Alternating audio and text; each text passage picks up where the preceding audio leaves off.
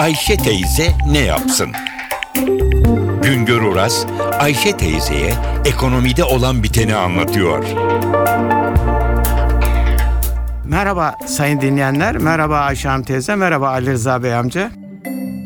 Geçtiğimiz günlerde kamuda çalışan işçiler için toplu sözleşme yapıldı. O toplu sözleşmelerle işçi ücretlerinde, kamuda çalışan işçi ücretlerinde önemli arttırımlar gerçekleşti. Sosyal yardım miktarları arttırıldı. En düşük işçi ücreti yükseltildi. Onun arkasından memur maaşları ile ilgili toplu sözleşme görüşmeleri başladı. O görüşmelerde de memurlara Türkiye'de enflasyonu aratmayacak ölçüde belli zamlar yapıldı. Derken bu sefer 65 yaş üstü yaşlılar maaşa bağlandı. Engellilere bakanlara maaş ödenmesine karar verildi. Son olarak da sorumlu çalışanların, engellilerin erken emeklilik durumları ve maaşları konusunda yeni düzenlemeler açıklandı. Bütün bunlar önemli gelişmelerdir. Çünkü bizde hane halkının kullanılabilir gelirinin büyük bir bölümü maaş, ücret ve sosyal yardım kaynaklı gelirlerdir. Bakınız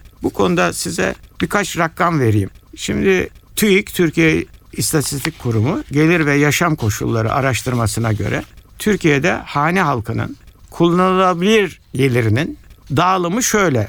Hane halkımızın kullanılabilir gelirinin yüzde 67,7'si maaş, yemiye ve sosyal yardım kaynaklı. Türkiye'de hane halkının cebine giren her 100 liranın 44,80 lirası maaş ve ücret geliri. 3,6 lirası yemiye geliri.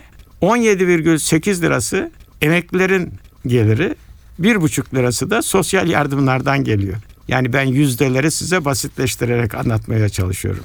Peki Türkiye'deki bu e, hane halkının 100 liralık gelirine ne kadarı girişimci geliri, müteşebbis geliri yani kendi başına iş yapanların geliri. Bu da toplam olarak 21,4. Tarımda kendi kendine iş yapanların, müteşebbislerin, girişimcilerin geliri 6,8. Tarım dışı 14,6. Gayrimenkul geliri çok sayılır, çok bilinir. Halbuki gayrimenkul geliri toplam hane halkı gelirinin sadece yüzde 3,9'unu oluşturuyor. Menkul geliri yani bunlar da e, şimdi hisse senedi, tahvil vesaire bankalardaki birikimlerden gelen parada toplam e, gelirin yüzde 3,6'sını oluşturuyor. Sonra haneler halkı arasında yardım var. Hani çocuklara yardım, dostlara yardım, ailelere yardım. O da toplam gelirin yüzde üçü büyüklüğünde. Hiç de azımsanmayacak ölçüde.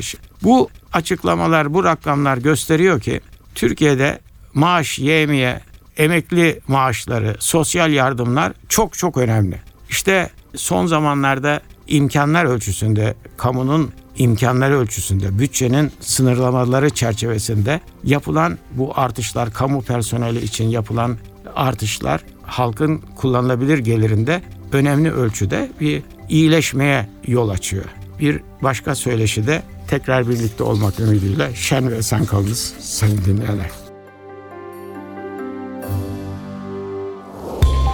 Güngör Uras'a sormak istediklerinizi ntvradio.com.tr adresine yazabilirsiniz.